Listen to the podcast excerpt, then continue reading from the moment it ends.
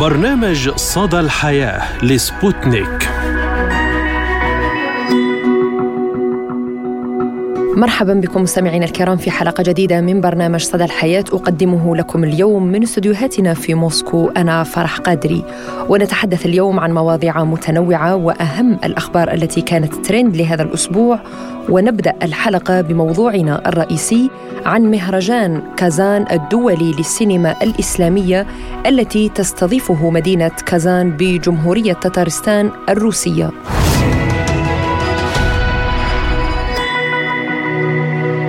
انطلقت النسخة التاسعة عشر من مهرجان كازان الدولي للسينما الإسلامية بحضور وزيرة الثقافة التتارستانية الذي عقد خلال الفترة من الخامس إلى التاسع من سبتمبر أيلول الجاري وشارك فيه قرابة خمسون فيلما تنوعت بين الأفلام الروائية والوثائقية الطويلة والقصيرة. وقد تقرر هذا العام دعوة لجنة تحكيم من المشاهير مكونة من مصورين سينمائيين مشهورين من الدول الإسلامية وتم إعطاء الأفضلية لممثلي تلك البلدان التي تم فيها تطوير السينما بشكل كبير أو حيث يوجد تعاون نشط مع شركاء الإنتاج المشترك. كما وفي إطار مهرجان كازان الدولي التاسع عشر للسينما الإسلامية بجمهورية تتارستان الروسية أقيمت أيام السينما السورية. وقالت المديرة التنفيذية للمهرجان ميليوشيا آيتوغانوفا لدينا برنامج واسع جدا خارج المنافسة يتضمن على سبيل المثال برنامج أيام السينما التركية المكرس للذكرى المئوية لقيام الجمهورية التركية ولأول مرة في تاريخ المهرجان سيكون لدينا برنامج أيام السينما السورية ونحن نعمل على توسيع التعاون مع مختلف البلدان لأنه من المهم جدا اليوم البحث في إطار المهرجان عن نقاط الدعم لترويج السينما الروسية وعرض أفلامها من أجل العمل بشكل أوثق مع هذه البلدان في المستقبل. وأشارت المديرة التنفيذية للمهرجان إلى أن كازان تستضيف في أيام عمل المهرجان منتدى روستكي الروسي الصيني والذي ستقام في إطاره أيام السينما الصينية كذلك.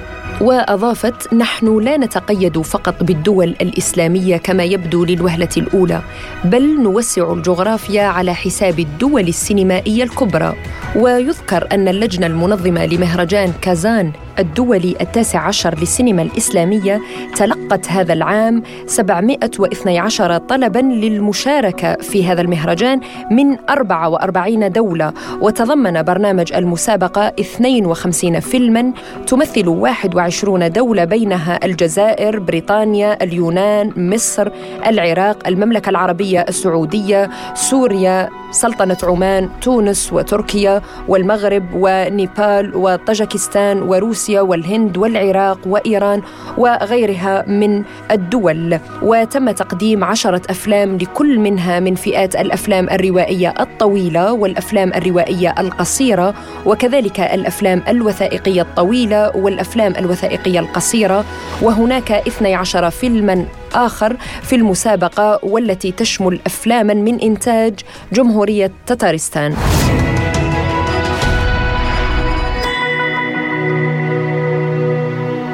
ونستضيف معنا المخرج والمنتج الجزائري صالح بوفلاح.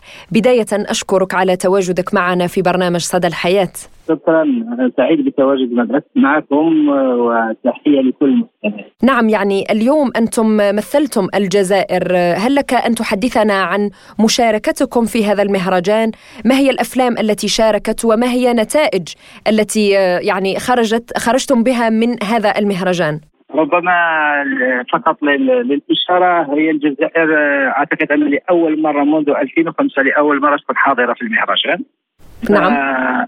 الشيء الجميل في المهرجان أنك يعني نلتقي عدة عدة ثقافات مختلفة آه، عن طريق هذه الأفلام السينمائية التي تعرض في المهرجان كما هو فرصة أيضا للتعارف بين ضيفتي العالم المشرق والمغرب. نعم بالنسبة للأفلام آه، قلت أنه هل هناك يعني أفلام جزائرية مشاركة؟ آه لا فيلم باكدي هو ينحصر ضمن الشريط الوثائقي القصير دوكيومنتير شورت فيلم هو الفيلم الجزائري الوحيد الذي تأهل إلى المنافسة الرسمية يعني كيف رأيتم هذا المهرجان والتنوع الثقافي بين روسيا والدول الأخرى؟ يعني هناك عدة أمور ثقافية متقاربة بين الشعب الروسي لا سيما المتعلق بالطابع الإسلامي في مدينة كازان. نعم طبعا. هي في الأول كان حسب ما كان في حديث مع المنظمين فأنا سألت كيف عملوا الاختيار كيف كانت الأمور فقالوا هم من كل أنحاء العالم عدد الأفلام التي أرسلت كانت فيها 712 فيلم. نعم. آه لجنه الاختيار اختارت أحسن 52 فيلم آه يعني في كل في كل منافسة فيه منافسة آه الفيلم الروائي القصير في 10 أفلام والفيلم الروائي الطويل 10 أفلام الوثائق القصير أيضا في عشرة أفلام ونفس الشيء بالنسبة للوثائق الطويل. وفيه المسابقة الثانية هي مسابقة آه، المسابقة الوطنية تتارستان وروسيا فاحنا كنا ضمن العشرة وهذا الشيء خلانا نشوف كثير مثلا شفنا حد من الهند شفنا من كومبوديا شفنا كثير من الأفلام كانت رائعة. والمهرجان هو فرصة لنكتشف هذا الشاب. أيضا نحن كجزائريين قدمنا الفيلم كلمحة من التراث الجزائري ك كتعريف لبعض بعض الشيء من التراث الجزائري والثقافة الجزائرية. فهذا هذا الشيء خلى يكون يعني فرصة حتى إحنا نشوف مثلا تعرفنا حتى من ناحية يعني الإسلامية تعرفنا على شعب مسلم أيضا. كيف يتعامل التعايش الإنساني الموجود في هذه المدينة مدينة كازان فيها تعايش إنساني كبير. هذا الشيء لنا نكتشفها وهم أيضا يكتشفوا آه، عقليتنا يكتشفوا ثقافتنا يكتشفوا تقاليدنا فاثناء النقاشات أثناء عرض الفيلم كان نقاش كثير من الأسئلة تسأل على الجزائر حتى يعني في لباسهم التقليدي يشبههم كثيرا لباس المناطق الجبلية عندها فيه كثير من الألوان الموسيقى ليست بعيدة جدا. نعم. هذا خلانا نكتشف شيء جديد بالنسبة لي أنا. وكثير من التتاريين هم عن طريق الفيلم اكتشفوا أيضا ثقافة جديدة تشبهه. نعم يعني برأيك ما الدور الذي تلعبه السينما في تنشئة الأجيال ونقل الواقع؟ يعني هناك أمور كبيرة وأمور كثيرة يقوم بها الإعلام قد يكون تكون مغلوطة كما يحدث الآن يعني في الإعلام الممنهج ضد روسيا في تشويه صورة روسيا وصورة الشعب الروسي. برأيك يعني ما الدور الذي تلعبه السينما؟ السينما هي في الحقيقة هي رمز لما إذا توجهنا إلى أي بلد إن لم نجد سينما ومسرح فهذا يعني أن ليس هناك رقي في هذا البلد. ولكن لما جينا هنا إلى روسيا اكتشفنا أنه آه عكس ما كان يروج عكس ما كنا ما, ما يقال أنه آه، روسيا في خطر في كذا. وجدنا الشعب آه، متعايش خصوصا لما توجهنا إلى كازان فيه شعب رائع شعب يحب الناس شعب مثقف. فالسينما هي وسيلة للرقي ودائما في كل البلدان عندها أفلام. هذه البلدان التي لديها آه، هيمنة في السينما دائما تقدم البلدان الأخرى على شكل الشكل الذي يناسبها. فدائما نجد البروباغندا هذه حتى في السينما توجد بروباغندا. فالكثير من الأفلام التاريخية التي آه، تروى عن العديد من الشخصيات آه، غالبا ما نجدها أيضا مغالطات تاريخيه فالسينما يجب يجب أن تكون وسيلة للرقي وسيلة لصناعه لصناعة الفكر الإيجابي. فلما جينا روسيا يعني حقيقة عدد صالات السينما عدد المسارح عدد المتاحف هذا كلها هذا كل شيء يدل على أنه هذا الشعب عنده عمق حضاري إنساني آه، ضارب في أعماق التاريخ. نعم يعني مشاركة الجزائر اليوم والتواجد الجزائري في المحافل الدولية كما تعلم هو أمر مهم للدولة وأيضا للشعب. كيف برأيك يمكن للسينما الجزائرية أن تواكب تطورات السينما الدولية؟ لا هي يجب آه، فتح المجال أكثر وإعطاء الفرصة للشباب وإنتاج أكبر قدر من الأفلام. عندما تكون تكون قلة الإنتاج لا نستطيع أن نصل إلى إلى آه، الجودة فإحنا في الجزائر نعاني نقص في الإنتاج ولكن حاليا مع هذه الموجة الجديدة من الشباب التي تسعى إلى فرض نفسها في هذا المواد مع أيضا الشرخ الذي حدث بين جيل جيل جيل الثورة في السينما والجيل نعم. الجديد فالآن نحن في صدد آه، مشاهدة جيل جديد من السينمائيين الشباب في الجزائر. فكثير من الأمثلة موجودة اليوم نشوف أفلام حتى يعني كان كان هذا السينمائيين المستقلين. فهي بادرة جميلة أننا راح يكون مستقبل مليح السينما الجزائرية إن شاء الله. نعم نشكرك المخرج والمنتج الجزائري صالح بوفلاح على هذه المداخلة. كنت معنا من موسكو. شكرا. شكرا سعيد بالتواصل معكم مرة أخرى. ونستضيف معنا أيضا المخرج السينمائي العماني الأستاذ سليمان الخليلي الذي شارك بفيلم روائي قصير بعنوان يا رماد. أهلا وسهلا بك وشكرا لك لتواجدك معنا في صدى الحياة. يعني هل لك أن تحدثنا عن مشاركتكم الأولى في هذا المهرجان السينمائي الإسلامي في روسيا؟ أول شيء آه، أشكركم جدا على هذه على هذا اللقاء. وطبعا بشكل عام هو المشاركة في مهرجان كازان دول السينما. هو بالنسبة لي إنجاز إن طبعا نأتي في هذا المهرجان العريق الذي طبعا يعتبر واحد من أهم المهرجانات آه، على في روسيا. وطبعا إحنا كفيلم عماني يشارك آه، في هذا المهرجان. طبعا يعتبر هو من آه، من الأفلام يمكن أول مشاركة لنا إحنا نشارك في في اول مشاركة عمانية. طبعا إحنا فيلمين أول مشاركة عمانية تشارك في في مهرجان كازان. فبالنسبة لنا هذا يعتبر شرف كبير. وأيضا آه، طبعا آه، الجميل في الأمر نحن آه، تعرفنا على الثقافة الكازانية وأيضا تعرفنا على الشعب الروسي والشعب التاتاري فبشكل عام المهرجان فرصة للتعارف سواء الالتقاء بالشعب الموجود في كازان وأيضا لصناع الأفلام من دول أخرى. نعم يعني كيف ترى أهمية هذا التبادل الثقافي بين الشعوب من خلال الفن؟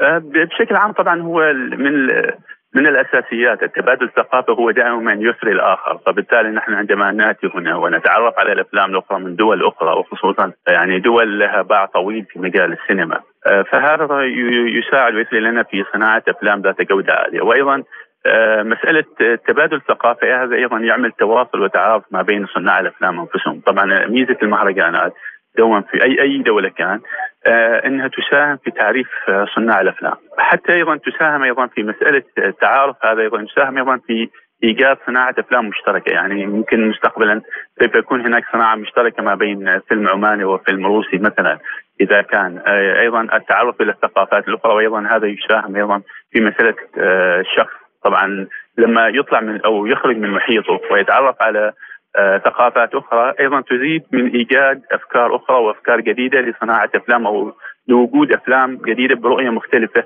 غير عن تلك الأفلام التي سيظل فيها محصور في في محيطه أو في مكانه. كيف ترى المشاركة العمانية اليوم في هذا المهرجان خصوصا وأن ما تتميز به هذه المنطقة بطابع إسلامي؟ آه الجميل في الأمر إنه اسم المهرجان هو المهرجان كازان الإسلامي ممكن هم ربما هذا يمكن من المهرجانات التي قليلة جدا أو أو ربما أول مهرجان يتسمى بالمهرجان الإسلامي وخصوصا أنه يجمع الدول آه، الإسلامية أو المسلمين صناع الأفلام. فبطبيعة الحال والجميل في الأمر طبعا عندما تأتي إلى كازان وتتعرف على الشعب الكازاني أو الشعب التتاري ووجود أيضا بعض العرب والتمازج مع العرب. وبامانه أنا اندهشت يعني. أنا من الناس يمكن لأول مرة أتي إلى إلى روسيا وأيضا إلى كازان. ما كنت أتوقع وأتخيل روسيا بهذا التنوع الثقافي بهذا التسامح بهذا التفاهم بهذا التعايش. وبالتالي طبعا آه، يمكن آه، ما تروج لنا بعض الأفلام من دول أخرى يختلف تماما عما نراه هنا في في روسيا بشكل عام وأيضا في كازان بشكل خاص. وأيضا عندما تجد تلك الأعراق التي العلاقه المسلمة المختلفه هنا طبعا سواء من تاتار أو من طاقستان أو ايا كان وأيضا وجود العرب أيضا آه الذين يتواجدون هنا في كازان هذا بحد ذاته يعتبر اثراء ثقافي اثراء ثقافي كبير وأيضا يمكن أيضا في هناك كثير من التعاون بين الثقافات المختلفة سواء وجود العرب والجانب التتاري أيضا طبعا الطابع الإسلامي الموجود هنا. في في كازان. نعود إلى الحديث عن الفيلم رماد الذي شاركتم به، ممكن أن تتحدث لنا قليلا عنه وما هي رسالته؟ آه، أول شيء طبعا الفيلم رماد هو تعتبر أول مشاركة له خارجية خارج عمان آه، وهذا أيضا أعتبره فخر لي ان اشارك لأول مرة خارج عمان في في كازان. الفيلم هو يمكن ربما طبعا عن قصة مستوحاة واقعية آه، هي يمكن قصة تقليدية ربما عن مسألة الشرف وهي طبعا القصة حدثت في منتصف التسعينات حينما طبعا هي عن عائلة تعيش في منطقة جبلية طبعا تعرف ظروف العائلة الجبلية التي تعيش في ظروف صعبة للناس. الحدث الذي يصير انهم بنتهم غير متزوجة الذي آه، كانت على أساس إنها مريضة ولكن طبعا التقارير أثبتت بأنها البنت حامل، طبعا هنا العائلة التي تتفاجئ بأن بنتهم المراهقة غير متزوجة آه، حامل. طبعا هذا بحد ذاته يعتبر عار وبالتالي لابد طبعا سابقا أو في فترة معينة كان وفي مكان معين كان هذا الوضع. طبعا آه، يجب أن يتم غسله يتم قتل البنت لمسح العار. فطبعا هي كانت المسألة أو القصة حاولنا تكون أنها غير تقليدية طبعا آه، في الختام بأن تكون كيف مسألة الصراع بين العائلة التي قررت أن تقتل آه هذه البنت أو بنتهم وفي النهاية طبعا الطبيب الذي اكتشف أنه وجود خطأ طبي طبعا الخطا الطبي أنه البنت لم تكن آه حامل فصراع بين أيضا الطبيب الذي أتى لينقذ الفتاة. في الختام طبعا نحن لا نعرف طبعا هل الطبيب هذا أنقذ الفتاة هل العائلة قتلت بنتهم فكانت النهاية مفتوحة فيها. الهدف طبعا من هذا الفيلم وممكن الوضع طبعا والهدف في وضع المرأة بشكل عام كان في من خلال حقوقها طبعا في بعض الأحيان العائلة هي من تقرر مصير البنت ودون أن يتم آه طبعا آه وضع آه للبنت خيار أنها أيضا تقرر عن مصيرها. شكرا لك المخرج السينمائي العماني سليمان الخليلي على هذه المداخلة، شكرا. وكذلك نستضيف معنا المخرج فهد الميمني من سلطنة عمان والذي شارك بفيلم روائي لن تغوص وحيدا. أهلا وسهلا بك وشكرا لقبول دعوتنا ببرنامج صدى الحياة. يعني بداية هل لك أن تحدثنا عن رسالة هذا الفيلم؟ ونبذة مختصرة منه الاسم يعني عنوان الفيلم مثير للاهتمام. هل له علاقة بالبحار مثلاً؟ آه، بسم الله الرحمن الرحيم. طبعا الفيلم آه لن تغوص وحيا. هو فيلم وثائقي قصير آه يحكي قصة آه، شابين عمانيين آه، مغامرين يعملان في البحر. طبعا يحكي عن القصة هذه ما بين البر والبحر حيث يتحدث عن الحادثة التي وقعت لأحد هؤلاء الشابين. فمنها أيضا يعني إذا هم كانوا يمارسوا أيضا هواية الغوص فصارت حادثة لأحمد الذي هو صديق آه، فيصل ويتخلل الفيلم ده أيضا. أيوه فالفيلم يتحدث أيضا عن هذه الحادثة التي آه، أثرت في حياتهم والتي كان من الممكن إنه فيصل يفقد فيها صديقه في في البحر. ولكن يعني حصل الكثير ما يعني الذي كان آه، غير متوقع. آه، فيصل أيضا كان آه، يعني معه في في ذلك ويساعده للرجوع من بعد الحادثة في عملية التأهيل وغيره لأن أحمد أيضا فقد ساقه في هذه القصة. وعلى كل الفيلم أيضا يتخلله لقطات جميلة جدا من تحت الماء للبحار في البحر ولجزيرة الديمانيات في سلطنة عمان. وعرض الفيلم اليوم آه، في الساعة الواحدة والنصف. ونتمنى إن شاء الله أن آه، يعني يعرض في أماكن أخرى يتسنى الجمهور رؤيته. كيف ترى آه، هذه المشاركة العربية العمانية في هذا المهرجان الإسلامي؟ نعم أعتقد أن هذا المهرجان فرصة جميلة جدا للالتقاء بضيوف والمخرجين من كافة أنحاء العالم. لتبادل الخبرات آه، في هذا المجال آه، وأيضا آه، المهرجان هذا منصة جدا مهمة لعرض الأعمال الفنية والاختلاط مع مختلف المخرجين من حول العالم.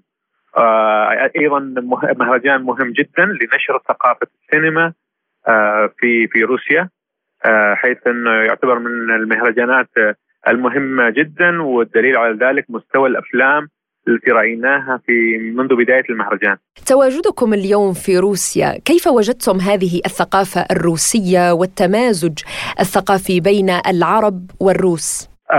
فيما يتعلق بالثقافة في روسيا بشكل عام منذ وصولي بمطار موسكو وحتى الآن أنا في في في كازان في جمهورية تتارستان لاحظت التقارب الكبير بيننا أساسا. الفروقات يعني جدا بسيطة. أعتقد أن ما يروج ضد أو أو ضد الاتحاد الروسي بشكل عام وما يروج ضد روسيا وتتر يعني خلينا نقول روسيا بشكل عام هو غير عن الواقع. للاسف للأسف الترويج هذا قد يكون من جهات معينة لخلق صورة نمطية سلبية عن بعض الدول. ولكن عندما يخو أنا هذه زيارتي الأولى لهذا البلد. ولكن عندما الواحد يجرب بنفسه ويزور البلد ويرى الناس ويتخالط معهم فلا يرى حتى الفروقات هذه سواء كان كمجتمع مسلم أم غير مسلم هم هم هم ناس بالأول والأخير. أستاذ فهد يعني كما ترى الدور الذي يلعبه الإعلام في خلق صوره نمطية عن الشعوب، برأيك كيف ترى دور السينما في نشر الثقافة والوعي لدى المجتمعات؟ أعتقد أن جميع الثقافات التي أرادت أن تنشر أو جميع الحضارات التي أرادت أن تنشر ثقافتها مؤخرا على الأقل نرى أن لديها صناعة سينما قويه. قد نسمي مسميات أو أو ممكن أن نبتعد عن المسميات ولكنها معروفة للجميع. أي حضارة أو أي آه، أمة أرادت أن تنشر ثقافتها فالسينما هي الأداة والوسيلة آه، الأهم لأنها يعني تستطيع دخول كل بيت في العالم. وهذا ما نراه الآن من خلال آه، بعض الدول التي تحاول أن تفرض أفكار معينة أو آراء معينة على دول أخرى من خلال السينما. شكرا لك المخرج السينمائي العماني فهد الميمني على هذه المداخله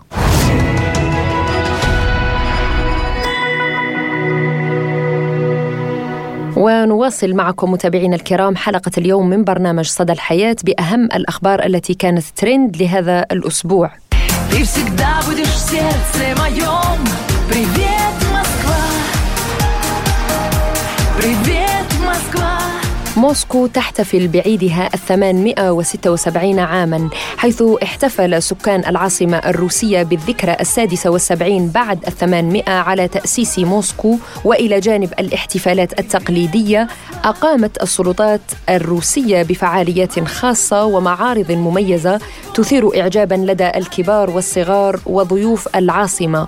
ويعود تاريخ موسكو في الكتب والمؤلفات التاريخية إلى عام 1147 1940 حيث أنشئت على يد الأمير يوري دولغاروكي وتوسعت تدريجيا في عام 1156 لكنها سرعان ما تعرضت لغزو المغول والتتار الذين أحرقوها وعاثوا فيها فسادا. موسكو باللغة الروسية مسكفا هي عاصمة روسيا وأكبر مدنها تقع على نهر موسكفا المتصل بنهر فولغا عبر قناة موسكو في وسط روسيا ويقدر عدد سكانها بنحو 13 مليون نسمة داخل حدود المدينة و17 مليون نسمة في المناطق الحضرية و20 مليون في منطقة موسكو العاصمة. موسكو هي مركز السياسة والاقتصاد والثقافة والدين والمالية والتعليم والنقل في روسيا وتعتبر مدينة عالمية وهي سابع أكبر مدينة حسب عدد السكان في العالم. سميت هذه المدينة على اسم النهر جراد ماسكوف بمعنى المدينة بجانب نهر موسكو. وفي رواية كارل جيل في جامعة هارفارد مولودة من النهر. يجادل أن الاسم يشير إلى الدعم الوفير من الأماكن المقدسة التي بنيت من قبل القبائل السلافية الذين أسسوا المدينة في بداية القرن العاشر. وأول مصدر روسي يتحدث عن موسكو كان قد صدر عام 1147 حين قال الأمير تعال إلي أخي إلى موسكو.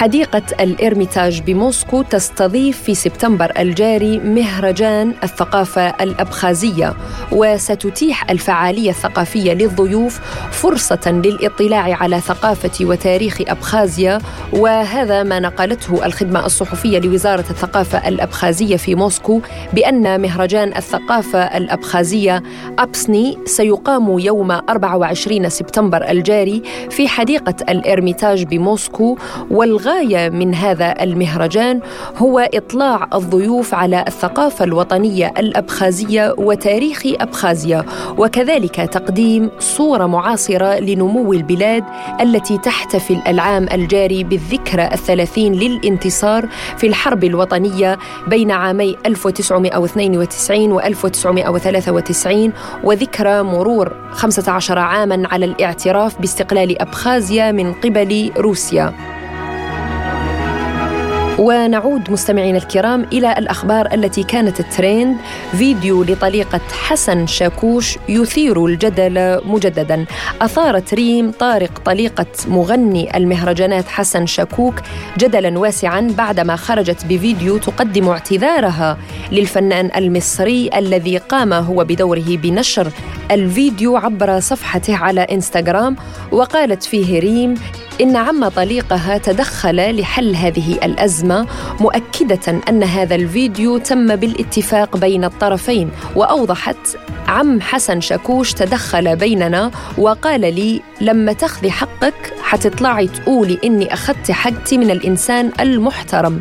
وأضافت ريم طارق طليقة حسن شاكوش الاتفاق بيننا نعمل أنا وحسن كل واحد فيديو وأنا بس اللي عملت ولسه الاتفاق ما خلصش. المفروض كان ينزل الفيديو الأيام الجاية وما عرفش إيه لازمة الفيديو ينزله النهاردة.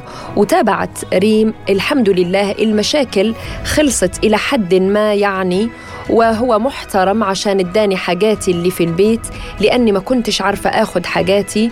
وهو إنسان محترم عشان حافظ على حاجاتي لمدة خمسة شهور في البيت.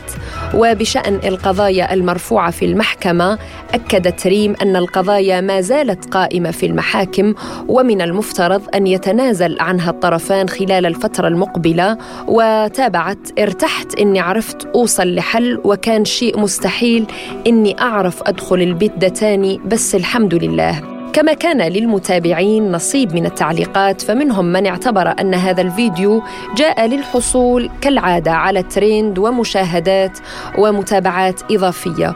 وآخر اعتبره تهديد وضغط على ريم حتى تقول هذا الكلام وتنشر فيديو يحمل اعتذار إلى حسن شاكوش الذي وصفته بالإنسان المحترم. ومتابع آخر علق بكم الفيديو ده؟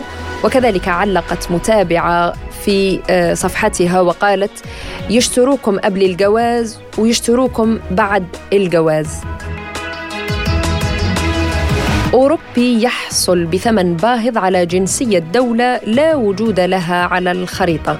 احتال شخصان من جنسية دولة عربية على رجل أوروبي واستوليا منه على مبلغ 348 ألف درهم إماراتي مقابل جنسية وهمية تخص إحدى جزر المحيط الهادئ وفق ما تم تداوله على صفحات التواصل الاجتماعي. وقبضت الجهات المختصة على المتهمين وأحيل إلى النيابة العامة ومنها إلى محكمة الجنح التي قضت بحبسهما ستة أشهر وتغريمهما المبلغ المستولى عليه وكذلك إبعادهما عن الدولة. أريد أن أنقل تعازينا الخالصة كذلك للمغرب الشقيق وللشعب المغربي في هذا المصاب الجلل يعني بعد الزلزال الذي ضرب البلاد رحم الله تعالى الضحايا وكان في عون الأهالي. وبهذا نصل وإياكم مستمعينا الكرام إلى ختام حلقة اليوم من برنامج صدى الحياة. كنت فيها معكم من استديوهاتنا في موسكو أنا فرح قادري إلى اللقاء.